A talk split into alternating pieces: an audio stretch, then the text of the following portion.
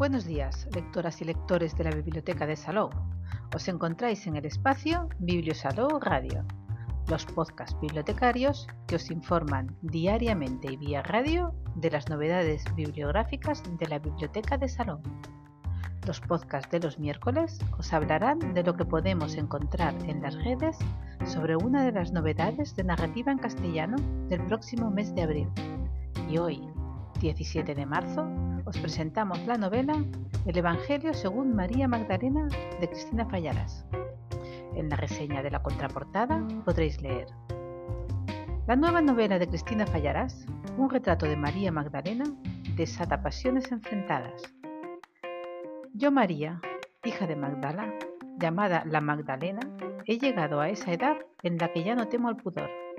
Yo, María Magdalena, aún conservo la furia que me enfrentó y me enfrenta a la idiotez, a la violencia y al hierro que imponen los hombres sobre los hombres, los hombres contra las mujeres. Dejo constancia aquí de los extraordinarios sucesos de los que fui testigo. Mi decisión es firme. Yo conocí al Nazareno. Fui la única que jamás se separó de su lado. No es vanidad. Es así. Me siento a relatar todo esto para que se comprenda su final y borrar tanta mentira. Nada será narrado en vano. Cristina Fallarás escribe en estas páginas el Evangelio según María Magdalena.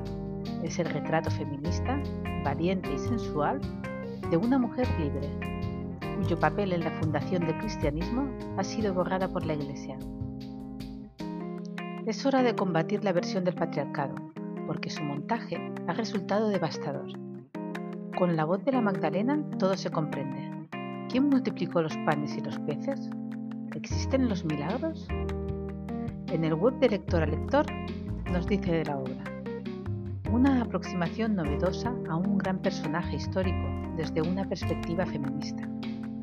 Una fascinante novela histórica que es, al mismo tiempo, una recreación del Evangelio perdido de María Magdalena, un texto real del cual apenas se conservan algunos párrafos, pues quienes temían dejar constancia del gran poder de esta mujer sobre la figura de Jesús lo hicieron desaparecer. Con este libro, Fallarás saca de las tinieblas a una mujer rica, independiente y artífice de muchos de los milagros que se le atribuyen al Nazareno. Cuando Jesús les dice a sus apóstoles, dejad vuestras casas y salid a los caminos, que ya os darán comida y techo, ¿quién les da comida? Las mujeres, que son las que manejan el alimento. ¿Quién les da techo? ¿Quiénes manejan la casa? Las mujeres. Si lo pones en boca de una mujer, de repente, sin modificar los hechos, cambia el relato. Explica a feminista Cristina Fallarás, quien asegura que escribió el libro a mano para travestirse de María Magdalena.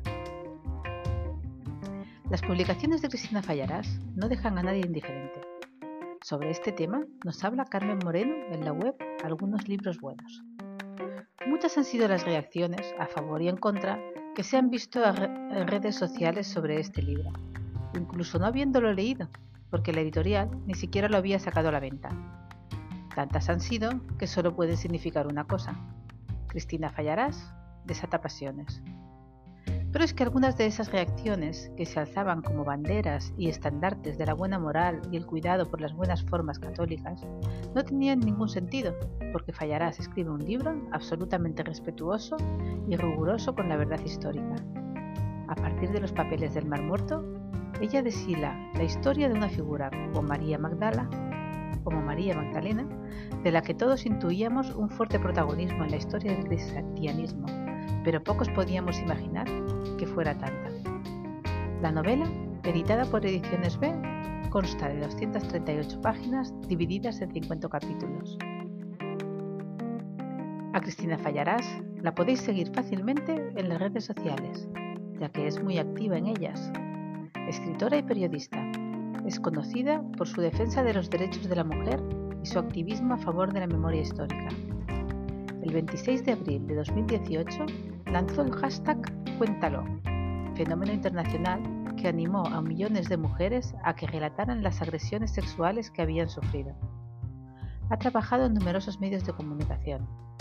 En este momento ejerce de analista política en las cadenas de televisión Telecinco, 4, Televisión Española, Telemadrid y TV3 y en el Diario Público.